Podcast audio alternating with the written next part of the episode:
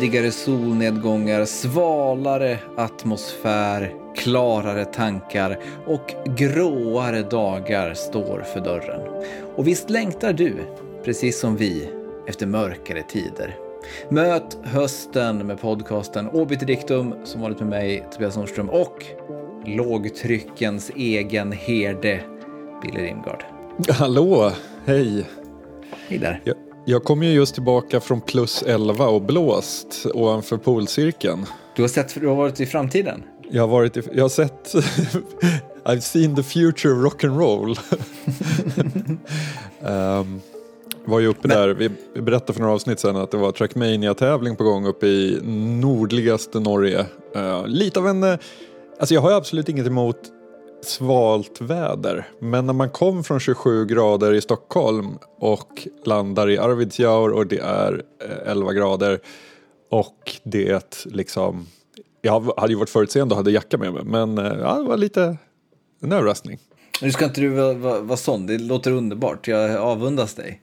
Ja, det var faktiskt grymt måste jag säga. Ja, ja vad härligt. Vill du berätta mer, hur var den här, den här odyssén du har varit ute på i, bland norska fjordar och, och eh, vad heter det, gympasalar? Alltså, den levde ju verkligen upp till allt jag hade önskat den uh, skulle vara. Uh, började med en fantastisk bilresa genom Norrbotten. Uh, körde Arvidsjaur, Arjeplog, riksväg 95 över Kalfjället in i Norge. Det är väldigt kul för så här Norge, nordligaste Norge, det är ju så här Sagan om ringen ringen-viben. Liksom. Eh, mm. Branta höga berg, vattenfall, lummiga eh, fjordar. Så. Um, men det svenska inlandet, det är ju lite mer flacka, stora, alltså bergen är ju inte lika spetsiga. Det är lite mer goth. Det är mer goth, det är betydligt mycket kargare, det känns lite mer äkta kanske. För i Norge, det första man såg där när man hade svängt in på deras eh, stora genomfartsled, det var ju ett så konstmuseum med snyggt designad fasad. Och där, där var vi ju inte riktigt på den svenska sidan. Där Nej. jobbar man ju mer baklastare. Det är fascinerande med liksom Norrlands inland på något sätt. För det är ju, det, det, man, man, är, man har ju varit där alldeles, alldeles för lite. Eftersom mm. att det är i princip liksom, när du åker på den där riksvägen då, på sidan om det finns det liksom ingenting mil efter mil efter mil. alltså det, om du liksom bryter benet eh, där ute så är du körd. Eh, det, det finns ju något härligt i det på något sätt att inklämt där då mellan eh, förhållandevis stora städer som, som på, finns på svenska östkusten och inåt eh, landet där så, och, och Norge då så är det liksom ett, ett, ett tjockt fält av ingenting i princip. Sen så kom jag fram till Glomfjord där jag skulle bo och det var 20, 20 minuter med bil ungefär från eh, Örnäs där den här Trackmania-tävlingen var. Eh, och intressant grej med Norge förlåt, med den delen av Norge. finns inget att äta. Finns inga restauranger, inga gatukök. Eh, det fanns ett gatukök i Glomfjord. Eh, när jag kom dit efter dagens tävlingar då så hade de slut på mat så det fanns inget de kunde laga åt mig. Oj. Eh, så man fick gå runt mycket på sådana jag hade stockat upp med lite så här Vasaknäcke, sådana här färdiga, du vet med örter mellan och sånt. Den enda pizzerian i Örnäs den var stängd två veckor för de skulle ha semester. Men det här måste vara, det måste vara det största som händer i Örnäs på hela året, typ, eller? Ja, definitivt. Eller jag vet inte, Örnäs kanske är liksom poppin. Det kanske händer grejer året runt där. Jag skulle säga nej. Nej, uh, okay. nej. Alltså de, de jobbar ju mycket med eh, friluftsäventyr, speedboats ute på fjordarna och hajkningar över Svartisen-glaciären. Och, alltså det är ju den typen av eh, aktiviteter som finns där. Eh, de här små taniga franska gamerkillarna i sneakers som stod och frös, det var ju liksom ett nytt inslag i stadsbilden. Men det var svintrevligt. Alltså jag har träffat så mycket härliga människor och eh, liksom flera som man har haft kontakt med på olika servrar och så vidare. Uh, Twitch-chattar och så. Uh, mm. Så att jag kommer därifrån fylld av energi och uh, vi kan väl avslöja att ett längre, jag hade ju bandaren med och bandaren gick. Så att ett längre inslag från den här Odysseen kommer ju dyka upp i din andra podd, Speljuntan, i nästa vecka. Absolut, det blir, det blir härligt. Kände att det var lite mer för eh, träffa rätt publik. Någonstans. Härligt att du känner att du kommer hem med, med energi, det ska vi nog ta ur dig. Ja, ja, ja, ja. jag ska jobba, jag börjar jobba den här veckan så att eh, det går nog fort. Ja, exakt. Nedtagen på jorden illa kvickt. Men vad heter det? det jag vill ändå uppehålla mig lite grann med det här med att det inte finns några matställen. Tror du att det handlar mer om att det var en, en så pass liten ort? För jag menar, man har ju hört de här skräckhistorierna om nor norrmännen, att det, och framförallt då om, om priserna, att det är liksom pizzor för 200 norska och sånt där. Oh ja. eh, så det, tror du att det är en fråga om ekonomi eller tror du att det är en fråga om, om ja, att det inte finns så, så stor marknad i den här lilla byn? Alltså de har väl råd eller? Det är väl bara vi som kommer med vår, våra pajasvalutor och bara... Nej, men alltså så här, det är därför till exempel du vet i Sverige så är det ju taco på fredagar som gäller. Eh, ja. I Norge så är det ju Grandi. Alltså då är det ju då Grandiosa här, fryst pizza som man kör i ugnen. Mm. Och det jag tänker att det är ju ett tecken på att liksom barnfamiljerna har liksom inte råd att åka till en pizzeria och köpa, köpa mat utan det, man köper fryspizza eh, för det är det, det pengarna räcker till. Så att även norrmännen tror jag tycker att det är ganska dyrt att gå ut och äta. Det är ju verkligen spekulationer. Men jag eh, på lördagen, i och med att det här eventet började vid 14 och sen så slutade det typ 20.30 och då hade jag verkligen allt stängt.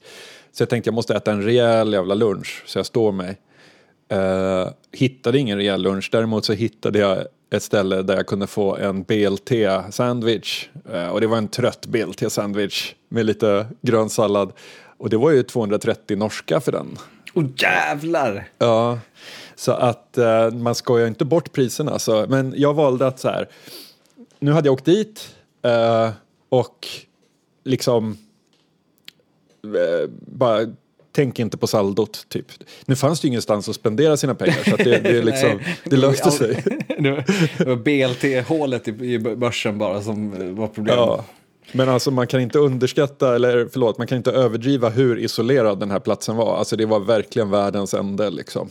Uh, oerhört vackert såklart. Uh, med eh, de här hög, alltså det, det är ju höga bergsväggar på ena sidan vägen, eh, fjord på andra sidan vägen. Då och då så blir det 20 meter extra vid den här bergväggen och där ligger en by. Alltså det är den nivån mm. det är liksom. Uh, så att det var fantastiskt. Uh, önskar dem allt gott och är så jävla imponerad av han. Jag nämnde ju eldsjälen som arrangera det här. Uh, så jävla imponerad att han fick ihop ett, en tävling som ändå höll riktigt hög kvalitet produktionsmässigt och liksom att få dit folk. En snubbe från Brasilien som hade åkt dit själv i, i publik. Jävlar. ja. uh, nej men han har fått dit spelare från liksom Kanada, Slovakien, Frankrike, alltså hela världen. Så de bästa, riktigt tung line-up. Så, är det mycket ja. br brassar i Trackmania-communityt eller? Nej, det är ju alltså, en av anledningarna Kommer de in i chatten och skriver KKKKKKK? Nej, det är inte så många. Det som jag gillar med, med Trackmania det är ju att det är en väldigt sån eh, eurocentrisk scen. där det är liksom, det är Frankrike som är den största i och med att det är ett franskt företag som gör det. Men sen så är det liksom Belgien, Holland, Tyskland, England, kan dyka upp någon Litau och vara bra i, i någon speciell stil och så. Och man gillar ju någonstans när det inte är massa jänkar och ryssar med. Uh, mm. Det blir en väldigt så... Uh, man gillar Europa gillar, någonstans. Det står mig nu, är det därför du gillar F1 också? Fast det är ju, ja men det är väl därför jag håller på de här brittiska, alltså man gillar McLaren och brittiska förare, att det ska vara liksom klassiskt Europa. Ja men vadå, det är väl inte så mycket, eller det kanske är nu för tiden, jag vet inte, men det, historiskt har det inte varit så mycket amerikanska förare i F1, eller? Inte just amerikanska, men vad som har hänt i F1 nu är ju att alla de här oljeländerna och sånt har glidit in och byggt ah. feta banor. Så att de klassiska europeiska banorna som Silverstone och Spa och Paul Ricard och alla de här, de, de, deras dagar är ju liksom räknade tyvärr. Uh, kanske inte Silverstone eftersom det är Storbritannien och det är på något vis racingens hemland. Men det, det är liksom alldeles för mycket nya pengar från de här länderna som ska veta sin plats när det ropar. Ja. nej, jag vet inte. Men eh, ja, nej men det är, det är kul. Mm, härligt. Eh, vi skiftar ämne radikalt. Eh, vi, du nämnde Norgeresan förra avsnittet. Vi tog också upp lite grann det stundade tv-kriget i förra avsnittet. Jag har kollat lite grann på en av de serierna vi, vi, vi nämnde då, nämligen Netflix version av Sandman. Ja, Eh, har du sett någonting av den? nej det har jag inte gjort. Nej, eh, det, jag kommer inte spoila någonting så att man behöver inte vara, vara orolig för, för något sånt. Men en sak som slog mig, eller har slagit mig flera gånger när jag har tittat på eh, Sandman, eh, det är... Hur, hur känner du för Neil Gaiman? Alltså Neil Gaiman, när han är som bäst så är han ju väldigt bra. Men han är också lite, han kan vara en eh, one trick pony. Hur då menar Eh, du?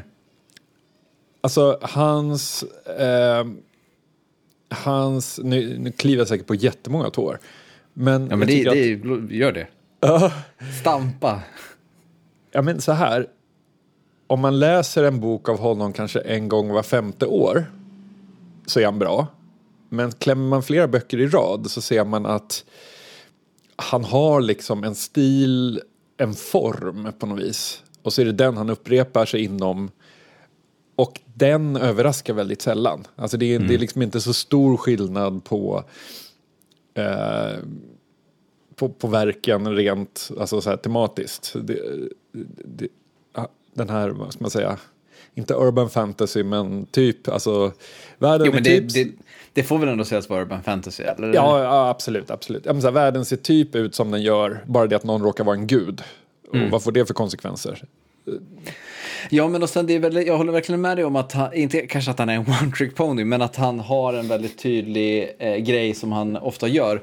Och det är liksom det här med, och det, jag tror att det är därför han är ganska populär i, i, i mm, nördkretsar så att säga. Att han liksom, sättet han vecklar ut sina världar på är eh, alltid det här med att man träffar den figuren som har massa mytologiska kopplingar och så träffar man den figuren som har massa mytologiska kopplingar. Liksom så att man, det är som att han eh, väver ut en värld och ett system som är ofta ganska kul att sätta sig in i. Alltså, när man börjar läsa American Gods så följer man liksom en person som, som, eh, har, som muckar från, från kåken. Och sakta men säkert så liksom stöter man på figurer som man börjar se liksom gudar och sen sakta men säkert så inser man att, så här, att alla de gamla gudarna från the old world har flyttat med emigranterna till USA och så ser man den här, eh, ja, intress- den här intressanta världen ta form på något sätt. Och det där är ju liksom någonting, vi nördar gillar ju system va? När någon har tänkt att hur saker hänger ihop. Eh, det, vi, vi gillar ju liksom, jag har lyssnat på en, en, en podd i, när jag har kollat på senaste säsongen av Westworld till exempel. Där de pratar väldigt mycket om så här, det frustrerande i att se att en, en tv-serie exempelvis säger att eller låter små detaljer vara avgörande. Om du, om du liksom märker att någonting sker återkommande så kan det ha en betydelse. Men problemet är att sen har de också lagt märke till att det sker massa saker som man tänker då, oh det där har säkert någon betydelse som inte har någon betydelse sen. Och då blir man liksom frustrerad. Jag tänker att det är typiskt för, för oss nördar att vi gillar när det liksom finns en stor plan och allting häng, hänger ihop och reglerna håller samman på något sätt. Och det där har liksom gamen varit väldigt framgångsrik att skapa på något vis. Eh, och i The Sandman då, så har jag reagerat väldigt mycket på att, och jag undrar om du håller med, eh, att sådana saker fungerar ofta mycket, mycket bättre i litteratur än i tv och i film. Uh, Jaha, ja, ja, jag säger inte emot. Eh, Utveckla. Ja, nej, men det jag tänker är på något sätt att när man i en bok får liksom den här eh, förståelsen för världen växer fram så sker det ofta på ett sätt som är ganska subtilt. Eh, och det sker på ett sätt där man själv ofta börjar konstruera systemet i huvudet innan systemet finns på sidan så att säga. Men när du sen då måste göra de här figurerna och de här världarna konkreta i tv och film, då måste du liksom föregå det här på ett sätt.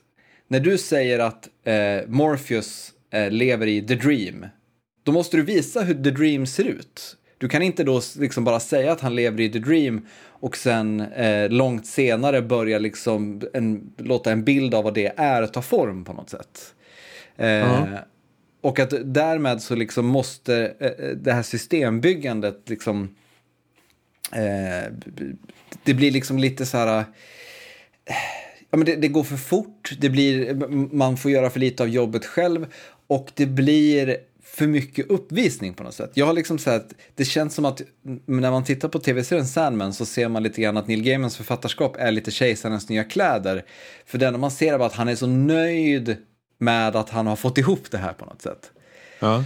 Och så, ja, titta, här träffar vi, då okay, nu blir det en liten spoiler, Döden är en karaktär i The Sandman om man inte har läst den här serietidningen. Eh, nu träffar vi Döden, och så pratar Döden om massa saker, så ser man bara, ja, titta, nu har liksom Neil Gaiman gett sig själv en klapp på axeln över hur han har passat in allt det här med de andra entiteterna och gudafigurerna och så vidare. Det, det, det finns någonting liksom, eh, någonting grandiost i det på något sätt.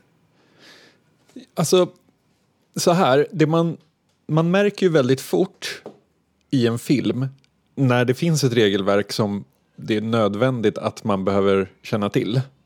Jag tänker på Inception där när, alltså här, alla de här scenerna när Cobb måste förklara för Ariad, Ariadne om exakt hur det här går till och hur det funkar och man liksom the kick kommer och alltså så här. Mm. Det, det, det, är en stabil vad ska man säga, regelverket är stabilt eh, men det görs jättedåligt på film därför att vi måste känna till regelverket för att uppskatta filmen och då blir det bara 20 minuter av förklaring. Just det. Medan i en bok, då kan man liksom smyga på detalj för detalj. Uh, och det kan man göra oavsett om det är liksom Neil Stephensons Snow Crash eller William Gibsons Neuromancer eller Neil Gaimans eh, American Gods så kan man liksom, det funkar att börja med blankt blad och sen smyga på delar av information och låta liksom, alltså den här regelverket konstrueras allt eftersom för att liksom vara komplett lagom till att akt 3 börjar på något vis. Ja men verkligen, och det, det, alltså, det, det funkar också på motsatt, alltså visst, det, det, vi pratar om här är ju någon form av exposition, att exposition är liksom bökigt eh, ofta på, på, på, film och på, i, i tv-serier. Men det, det, är också, det är också, följer också motsatt mönster. Andra saker som är svåra att fånga i litteratur är enkelt att kolla på film. Jag kommer att Malte, eh, Malte Persson, ett av kulturkritiken, pratade om att exempelvis en sak som är att i Mad Men så röker alla och dricker hela tiden.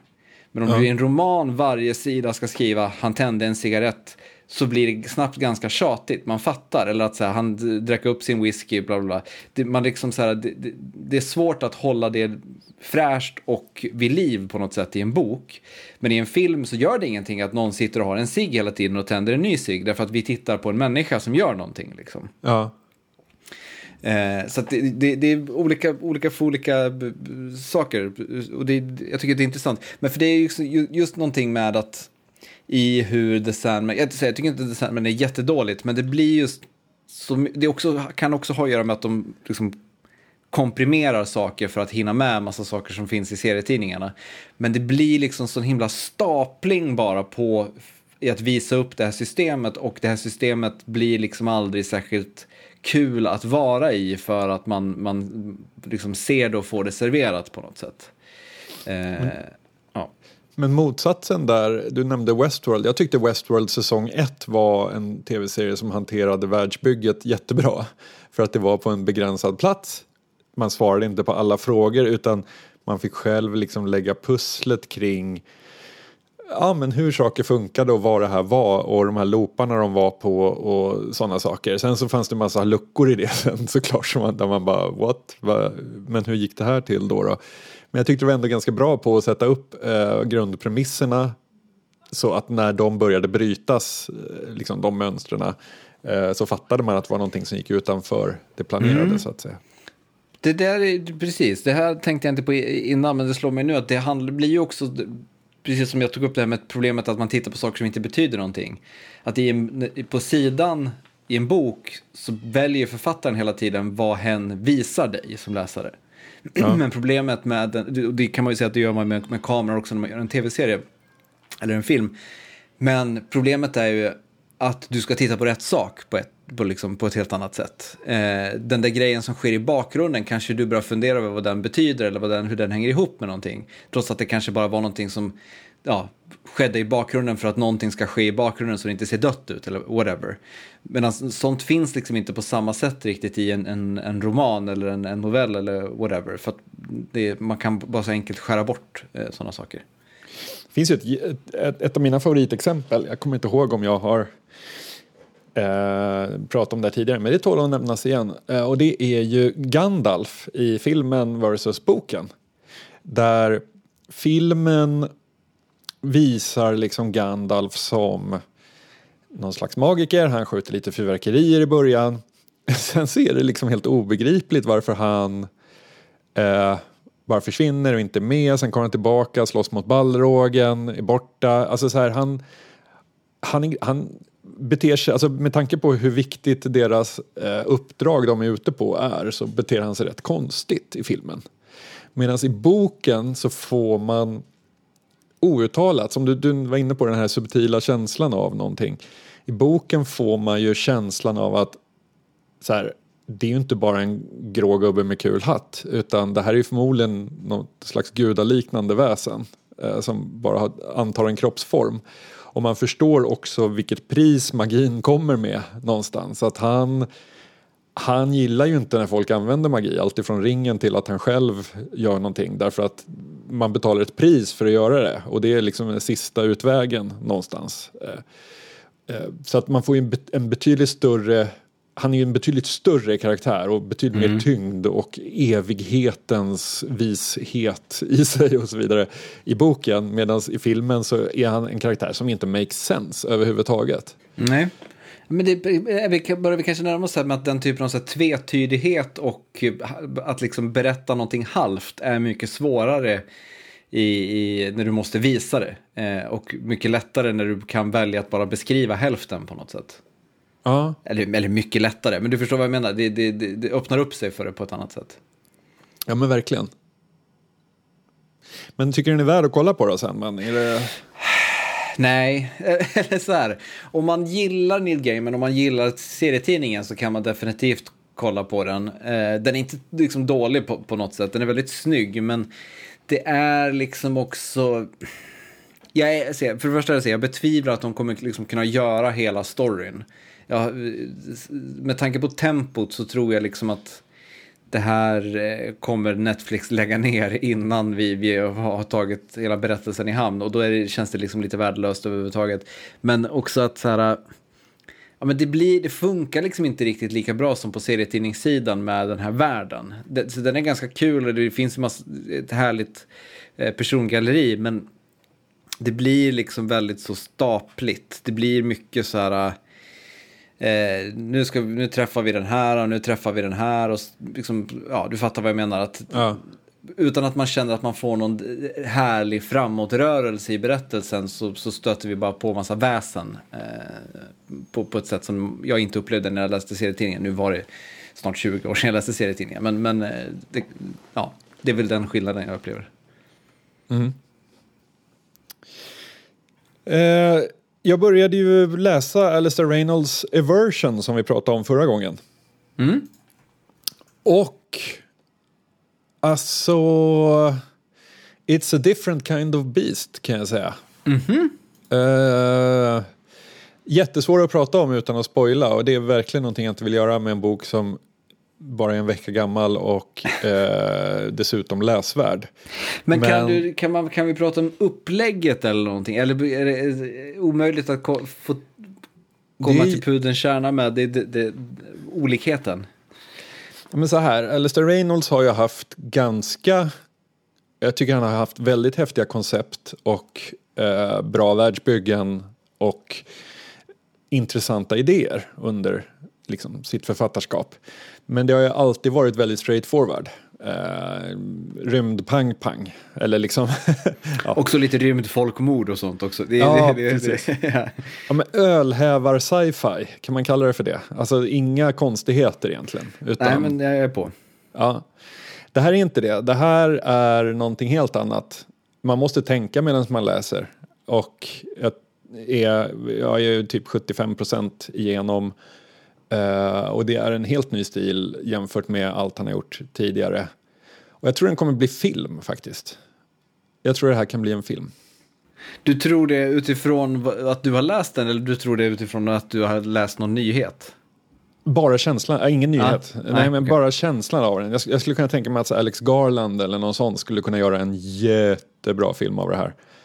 Uh, det är, uh, ja men så här.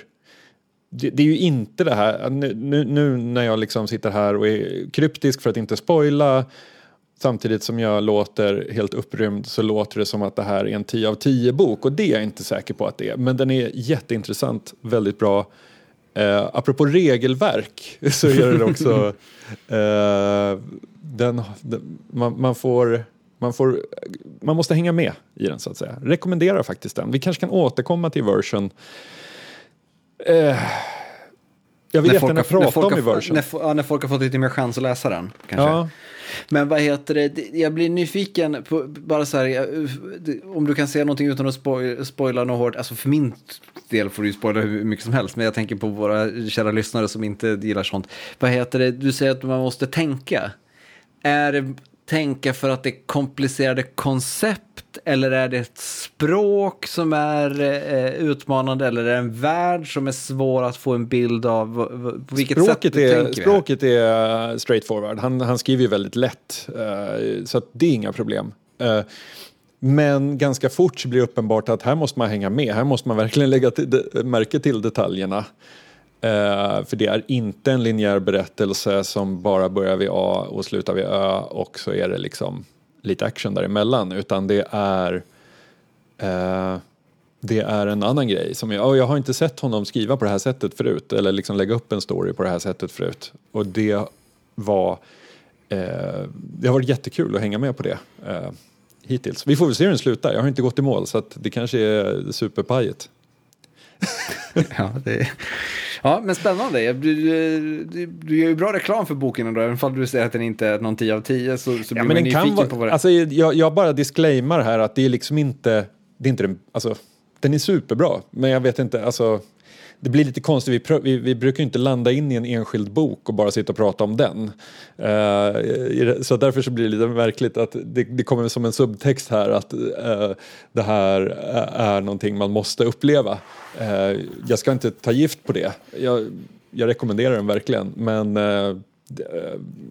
man, man, kommer ihåg för några avsnitt sen när vi pratade om kulturkritik och jag sa att man måste vara försiktiga med, med sina tio av tio. Att mm, det, mm, mm.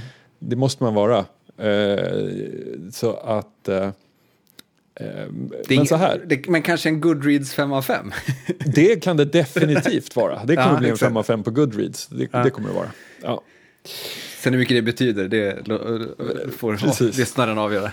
Men jag är intresserad av att prata med någon om den här så att vi kan väl kanske Vi skulle väl kunna planera in ett, ett avsnitt om eh, två månader eller någonting. Den är som sagt inte särskilt lång och den är lättläst så att eh, vi, vi, skulle kanske kunna kunna ha någon liten cirkel kring den. Absolut, jag är, jag är på. Grymt. Eh, jag har kollat lite på film. Mm. Och sett eh, den senaste filmen i Predator-franchisen Prey. Mm. Har du sett denna film? Nej. Nej, eh, jag ska försöka inte spoila här heller då. eh, nej men så här, det, det, det, jag tyckte var intressant och som jag tänkte lite på med, med Prey när jag såg den var eh, att jag upplevde någonting som jag kommer kalla för franchise-paradoxen. Huh? Det här är liksom en film som både förlorar en del på att den är en del av en franchise, men också vinner en del på att den är en del av en franchise. Um, Alltså, bara så på, på, grundgrejen är ju att så här, hade den inte varit en del av en franchise så hade den här filmen antagligen inte gjorts. Eh, handlingen är då så här, upplägget i Predator får man väl, vad heter det? Ja, ja, ja, Predators är en utomjordisk ras som eh, kommer till, åker till olika planeter och jagar eh, varelser på de här planeterna i jakt på liksom det ultimata jaktoffret, typ. Det är väl det Predators pysslar med. I den första filmen då eh, så, så jagar Predators ett gäng elitsoldater, amerikanska elitsoldater ledda av Arnold Schwarzenegger i, i djungeln. De gör någon covert operation på fel sida gränsen och ska rädda några, några gisslan och grejer. Det låter som att du vill fylla i med någonting här. Nej, nej, nej. Nej. nej. Um, och, den, och sen framförallt så är det med Predatorn att den har massa cool gear. Den kan vara osynlig, den skjuter massa spjut, den eh, samlar på ryggrader och, och skallar från sina offer etc. etc. Den är liksom en boogeyman i eh, naturen på något sätt. I Prey då så eh, är vi tillbaka i, vad 17, fan det stod ett år, årtal i början, typ 1500-tal, kanske sent 1500-tal, tidigt 1600-tal, ja. någonting sånt. I USA, vi, eh, vi följer en eh, tjej som är eh, en del av en, eh, vad heter det, Eh, den amerikanska ursprungsbefolkningen, hon är Comanche tror jag, eh, tillhör den eh, stammen. Och hon vill då genomgå, de, den här stammen har en speciell jägarrit som alla de skickligaste jägarna genomgår. Eh, och då är man liksom en, en av byns ledare när man har klarat av den här riten. Och den handlar i grunden om att man ska jaga någonting som jagar dig helt enkelt ja, döda ett rovdjur är väl lite, lite grundpremissen på något sätt. Eh, hon har det lite kämpigt och så vidare. Men sen då så dyker ju en Predator upp. Eh, det, är väl knappast en spoiler att en, en film i Predator-franchisen så dyker en Predator upp.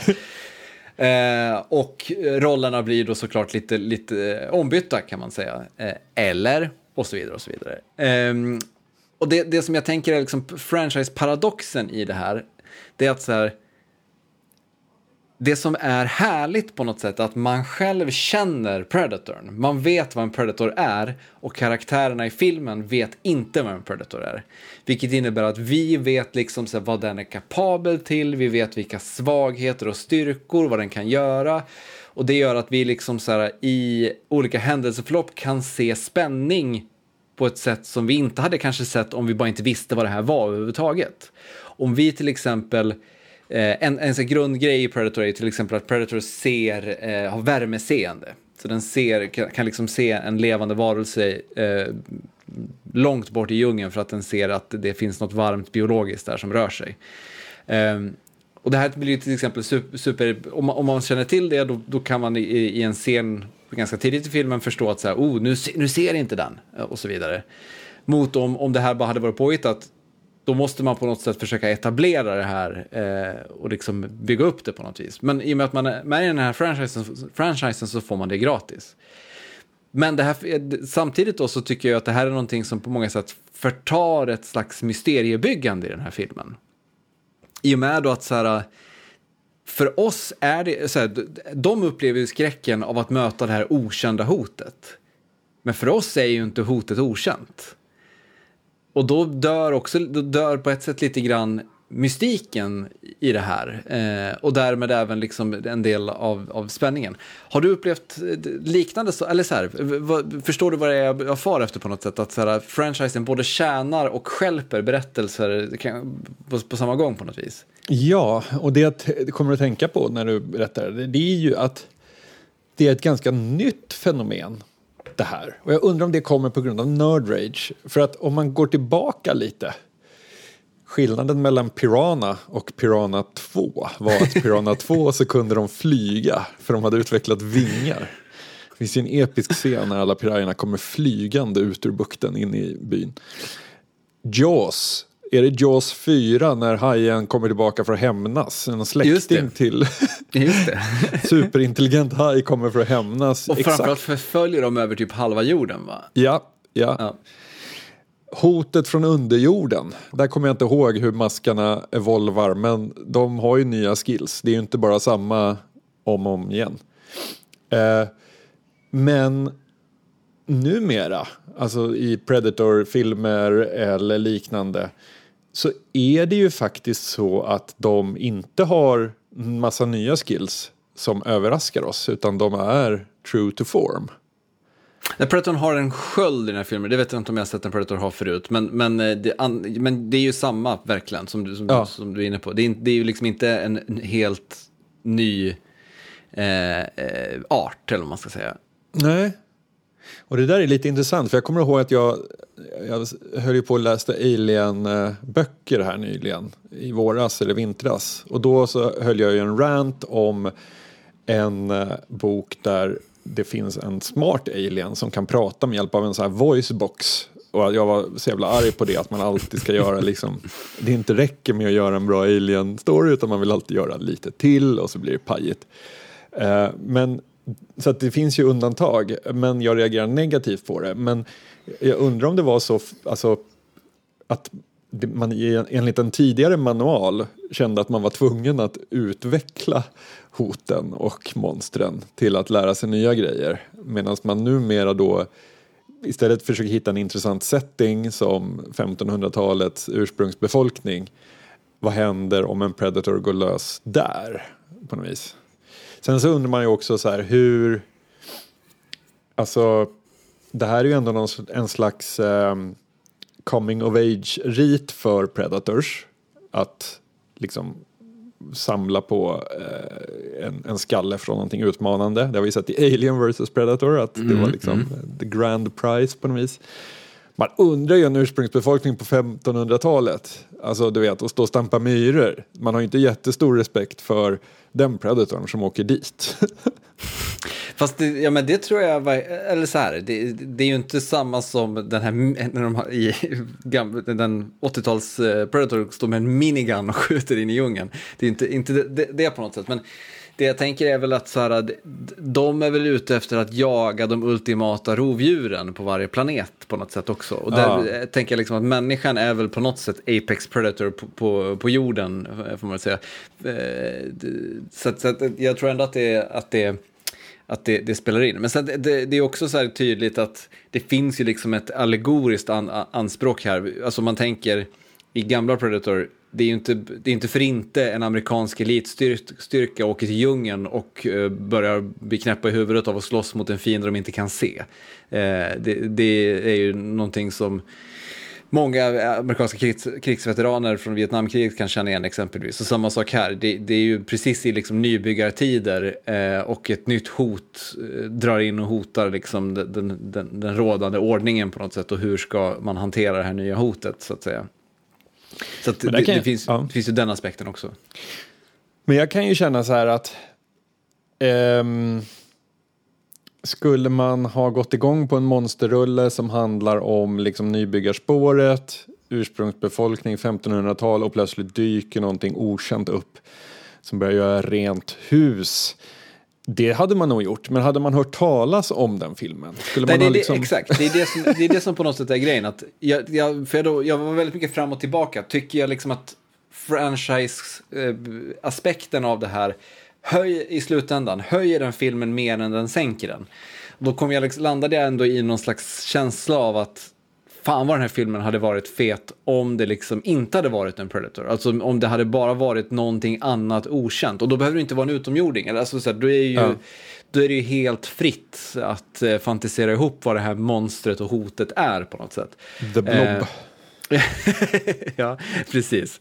Eh, och det, det, så jag tror att det hade, jag tyckte, jag gillade Prey, men jag tror att så här, den hade varit, kunnat vara liksom otroligt bra om den hade inte varit en Predator-film. Den hade också kunnat vara sämre såklart om man hade haft ett riktigt pajigt skitmonster, men Eh, men men, men så här, jag, jag, det hade nog kanske hellre sett en, en, eh, en, mer, unik, eh, en mer unik berättelse. Eh, men som sagt, det, det var ändå en intressant upplevelse just att kastas mellan att, så här, att, att tycka att den här berättelsen ja, fick, fick mer liv av att vara en del av Predator-universumet och samtidigt mindre liv av det på något sätt.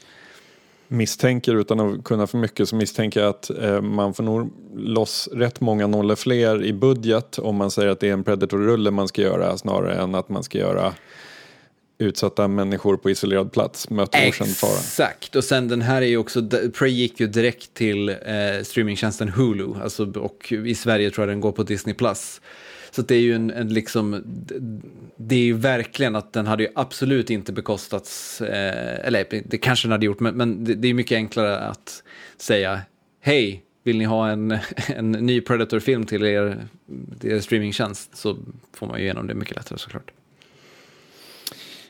Eh, vi har till den här eh, gången läst den förordet och den första eh, novellen eh, i en samling som heter Hieroglyph Stories and Visions for a Better Future. Eh, vi gjorde det därför att vi saknade utopin i science fiction och vi eh, fick ett tips om den här samlingen berättelser. Eh, exakta formen för hur vi ska ta oss an det här det, det, kommer, det kommer utvecklas vartefter vi är med på resan. Men vi tänkte snacka igenom lite om eh, den första storyn som heter Atmosfera Incognita av Neil Stevenson. Först så tänkte jag att vi ska uppehålla oss lite vid premissen för den här boken genom förorden. Eh, för de tyckte jag ändå hit home på mig. Mm. Eh, Samma här. Väldigt bra. Jag tänkte mer på förorden i dagar efteråt än jag tänkte på vad heter det, atmosfära inkognita. Samma här. Samma här. Um, premissen för den här samlingen, eller liksom utgångspunkten, det är att vi som samhälle har glömt bort hur man tar sig an stora projekt. Eh, Neil Stevenson skriver i sitt eh, förord om, om man tittar på 1900-talet där det liksom det drogs telefonledningar, det byggdes motorvägar, rymdracet kom igång. Eh, han tar upp flera exempel av den här typen där liksom man går från att ha ingenting, bilen uppfin uppfinns och vi bygger liksom nationstäckande vägnät. Uh, vi gör det som ett, ett kollektivt samhälle som uh, hoppar på en chans på något vis. Att kolla, här kan vi göra. Uh, men att vi idag, när vi pratar om att så här, vi behöver förändra vår livsstil för att tänka på miljön. Eh, och då kommer vi liksom inte längre än att vi tar ett av körfälten och målar en cykel på den och säger här kan man cykla.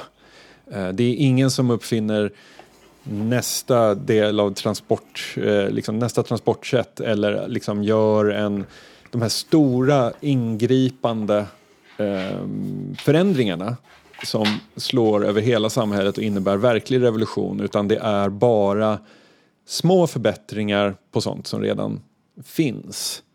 Ja, alltså i Nils Stevensons förord så drar ju han en, en en, eh, vad ska man säga, han beskriver ett scenario som han menar då är någonting som utspelar sig ofta idag. Att ett gäng ingenjörer sitter i ett rum och kommer på idéer. Eh, och så kommer man på, landar man i en idé som man tycker är ny, intressant eh, och så vidare. Och sen så beskriver då Nils Stevenson kanske sitt livs antagonist, eller vad man ska kalla det, att det sitter en till person i det här rummet i kostym som googlar den här idén och säger den är redan gjord. Eh, och då, för då visar det sig att den här idén antingen då har genomförts och inte funkat, eller den har genomförts och funkat och därmed behöver man inte göra den. Eller så har den försökt genomföras eh, och man kom ingenstans. Men bara att någon av de tre grejerna har utspelat sig innebär att idén är förverkad på något sätt. För om den har lyckats så finns det patent.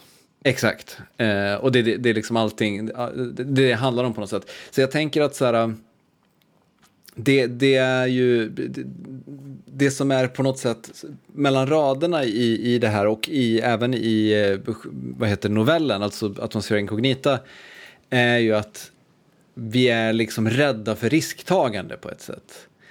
Men jag tycker också att en annan sak i det andra förordet var väldigt, har jag tänkt på väldigt mycket. Det, det pratas det mycket om det här med liksom eh, utbyte av liksom idéer, hur, hur eh, science fiction och, och, utopier och sånt kan liksom påverka forskning och inspirera forskning. Eh, och teknologi och annat. Och där tänkte jag liksom väldigt, jag började tänka väldigt mycket på att det känns eller hur känner du? Tror du på, på tek- teknologin? Känner du det liksom, när du tänker på teknologi, känner du att så här, teknologin kommer lösa alla våra problem? Nej, det gör jag inte. Och det jag tänker på, för det tän- tänkte jag också, och sen tänker man på någon slags golden age of sci-fi, alltså någon slags 50-tal, 40, 50, 60, 70-tal. Då känns det ju som, nu levde inte vi då, men det känns som att då fanns det en helt annan idé om att teknologin kommer att lösa våra Ja. problem.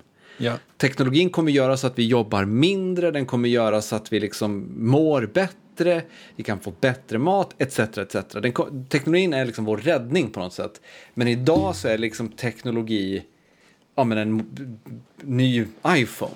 Alltså det, det är inte... Du förstår vad jag menar på något sätt? Ja, men, men man kan väl säga så här, tänk när, när kärnkraften kom och man bara shit, vi kan slippa elda med olja och kol. Det här har vi oändligt, obegränsad tillgång till den här eh, kraftkällan. Och man liksom kastar sig in i the nuclear age.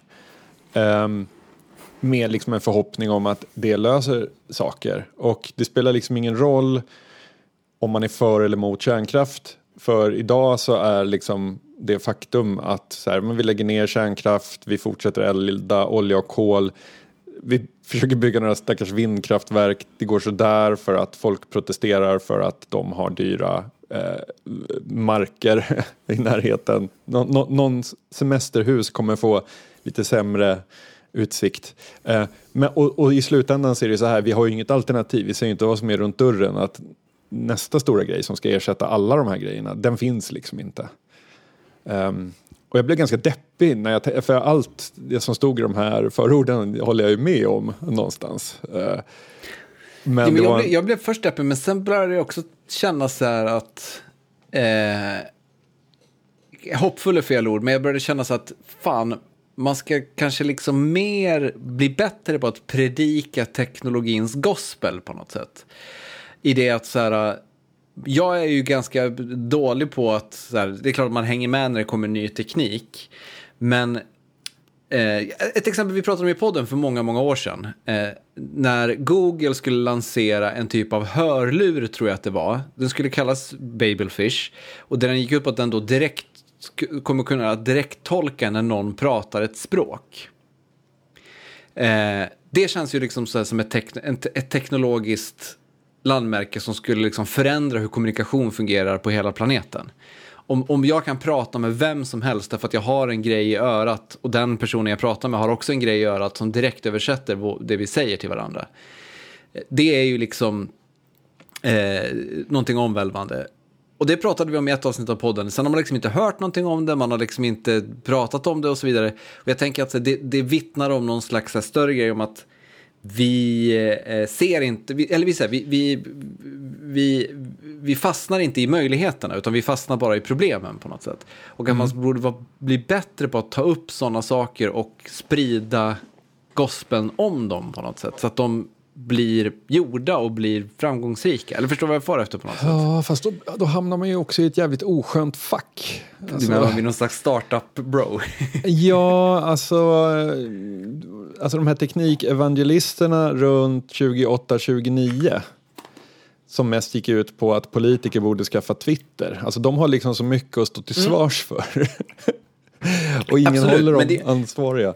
Ja, ja, men det är ju det där som är, alltså, ja, det, det, det, i den här scenariot som Neil Stevenson beskriver med ingenjörerna som sitter i rummet och får sina idéer nedskjutna. Det är ju liksom någon slags så här, eh, som att tron på kapitalismen är död och istället så är det tron på profit som gäller. Alltså så här, kan, kan vi, man skulle kunna argumentera för att de är samma sak såklart, men, men liksom så här, det, det handlar så mycket om, så lite om att innovera och så mycket om så här, var finns det en bit av kakan att plocka åt sig? Var, var finns det ett nytt patent? Var finns det något, att göra någonting som som, liksom, eh, som, som inte är gjort oavsett hur litet det är så är det viktigare än att göra den stora grejen på något sätt. Eh, och jag skulle mena att, liksom så här, att politiska ska ha Twitter, det är liksom det där lilla, det betyder egentligen ingenting. Men att lösa kommunikationen på jorden mellan människor, det är ju någonting liksom. Eh, Fast, fast är det inte, inte problemet att alla de där liksom, möjligen bra grejerna hamnar i skymundan av det som du pratade om i ditt, din internet TED-talk?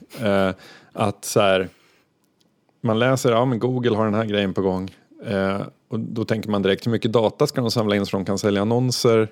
Mm. Så här, finns det en, kommer det finnas en gratisversion som först läser upp en annons och sen översätter min... Eh... Exakt, även i alltså, Babelfish-teamet så sitter den där mannen i kostym ja, och, och ja. vill, vill, ha slut, eh, no, eller vill kolla vad slutnotan landar på, landar på så att säga. Alltså, problemet är att vi alltid tänker för smått. Alltså, jag har eh, liksom mina, de senaste liksom, fyra jobben jag har haft typ, så har jag blivit lite så här desillusionerad därför att folk tänker så himla smått hela tiden. Och man tänker smått därför att det är kortsiktigt och det är, alltså, man kan, man kan, uppa no, man kan flytta någon, något värde 2 eh, på kort sikt. Då väljer man det snarare än att gambla på att flytta det 20% över lång sikt. Liksom.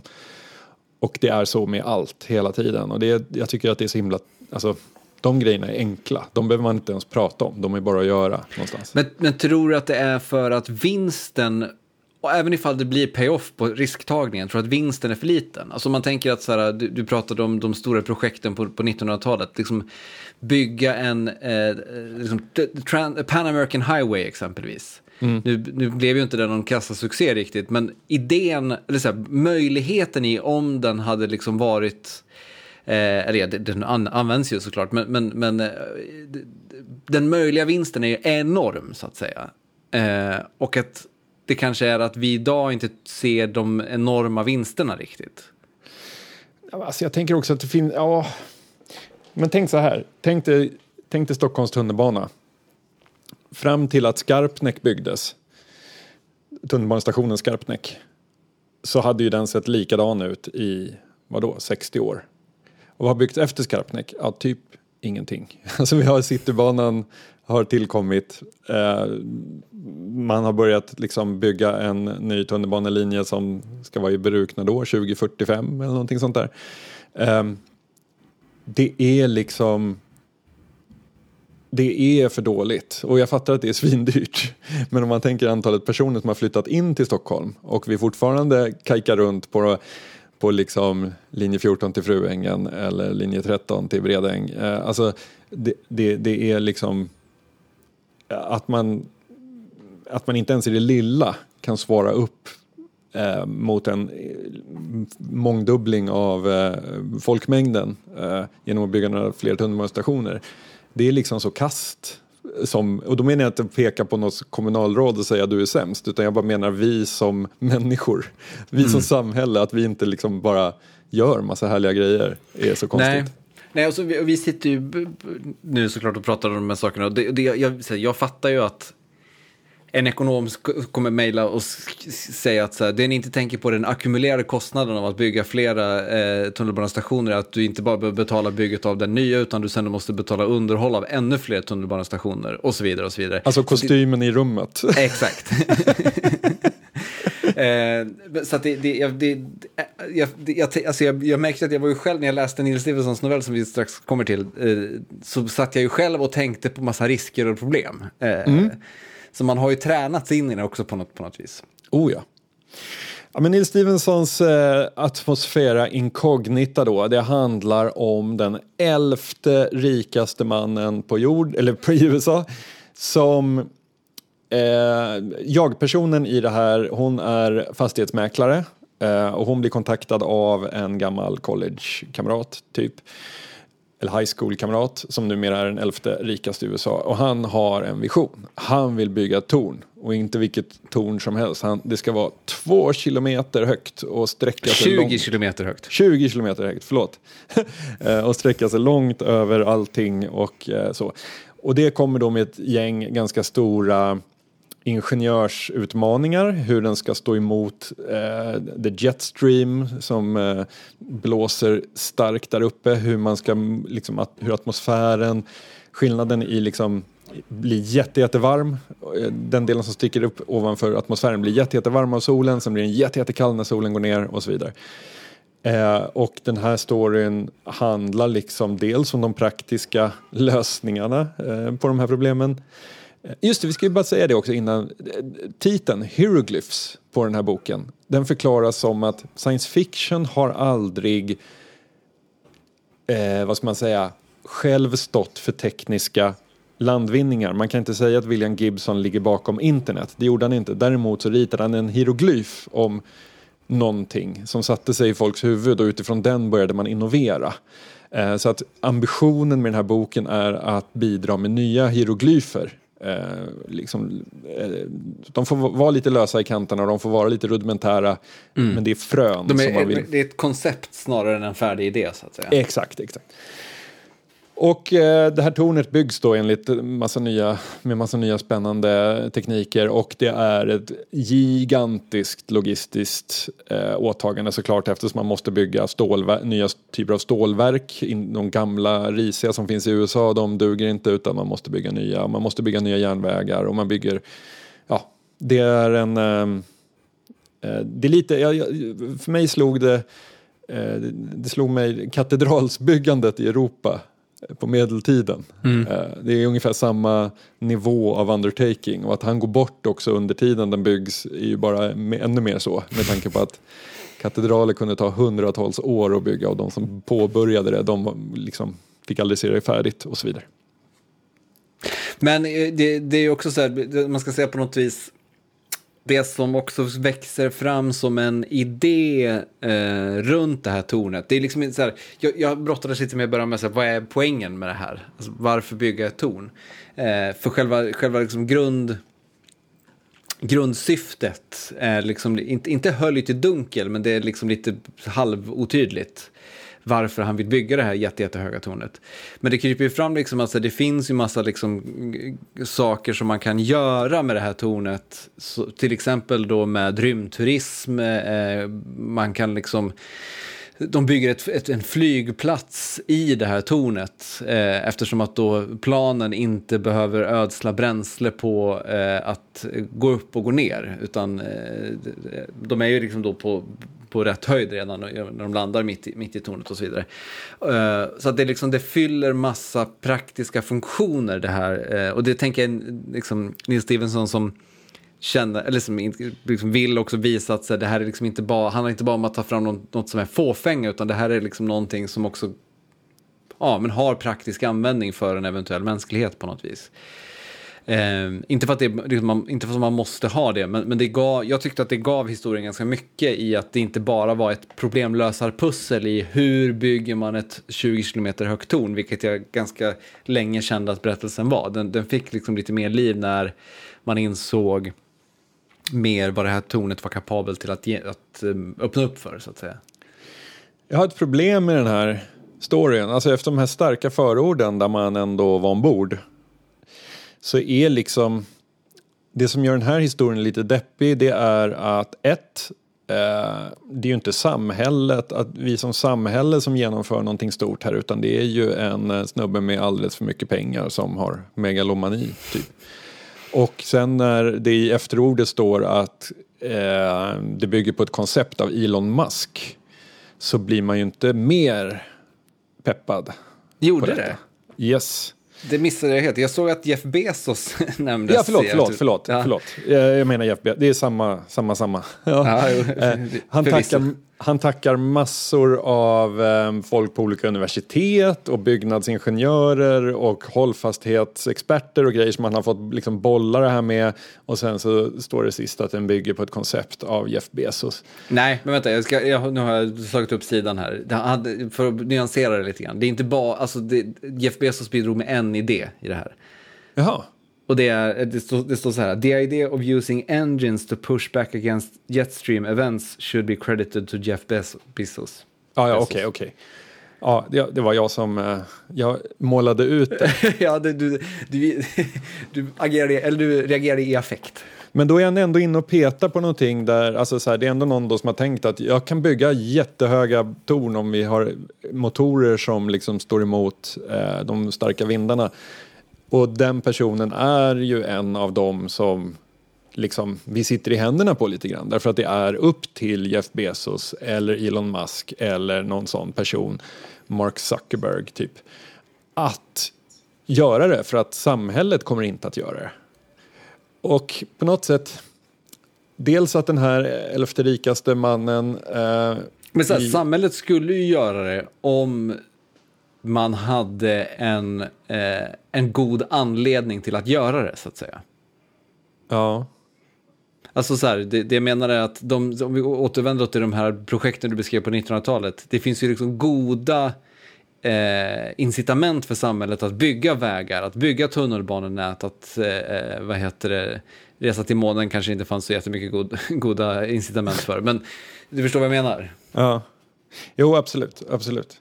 Men om vi Och nu det- ska se det här som en blueprint för hur vi som kollektiv ska liksom kunna komma på fötter och genomföra stora saker tillsammans så är det ju lite fel kan jag känna att det är helt avhängigt på att du har någon galning som har tjänat sinnessjuka pengar och nu ska liksom efterlämna sig en katedral när Jo. han går bort i cancer på något vis. Jo, jag håller med.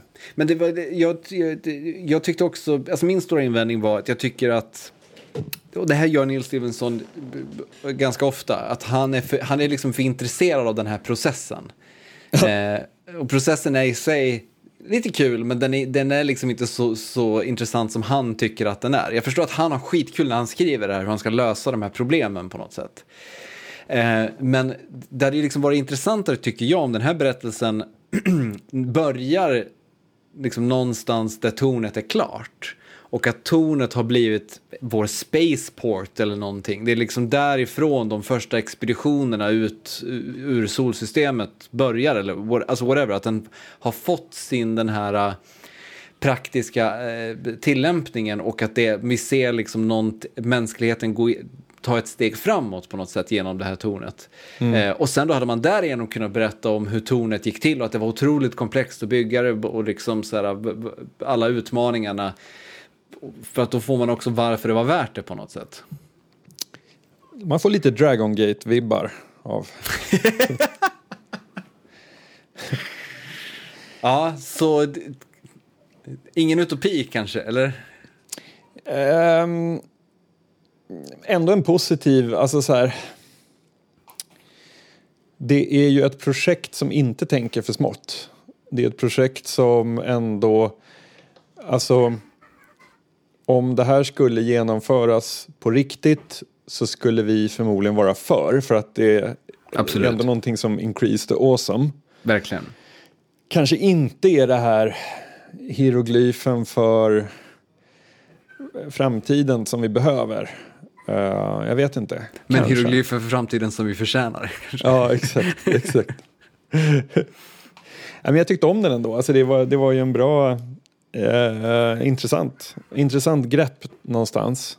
Eh, men eh, jag vet inte. Jag, tycker, alltså du vet, the hyperloop och allting. Fan, man har ju hört om det där nu så länge och det är ingen som gör något. Nej men och det är också, det är ju lite... Jag tänker att problemet där är också att det inte är, som du var inne på, någonting nytt. Alltså det Nej. är ju, det är ju liksom en, en halvdan lösning på någonting som på många sätt redan är löst. Eh, kan, man, kan man tycka. Ja. Men eh, spännande. Vi... ehm, Jag, jag är väldigt peppad på det här projektet måste jag säga. Det, jag, det, jag ser väldigt mycket fram emot att läsa de, de kommande berättelserna. Eh, Oh ja. Och näst på tur då så står Kathleen Ann Goonens eh, novell Girl in, in Wave, Wave in Girl. Mm. Eh, som jag inte har någon aning om vad den handlar om. Det är också kul med de här att man liksom så här kastas in handlöst på något sätt. Jag ska säga det också att i premissen för det här så stod det att det som var förbjudet när de har liksom beställt verken av författarna så var det tre saker som var för förbjudna och det var hackers, hyperspace and the holocaust. Att liksom det har vi läst tillräckligt mycket om. Nu måste man våga tänka nytt. Skönt, då slipper vi det. Ja. Jag har Oddpod aldrig handlat om. Inget av det. Nej. Men eh, tack så hemskt mycket till alla er som stöttar oss på Patreon. Stort, Eh. stort tack. Eh, Patreon.com snedstreck oddpod. Där kan man, eh, eller oddpodcast. Oddpod. Oddpod. oddpod. Där kan man eh, bidra till vår verksamhet. Hjälpa oss att hålla grytan kokande. Och så får vi se om det blir något torn down the road. Eller om vi bara fortsätter köra podd. Ja, vi måste, du måste in lite med Patrons om det ska bli ett 20 km torn. Eh, men, men, we'll get there. Vi eh, hörs om två veckor. Det gör vi. Ha det fint. Hej.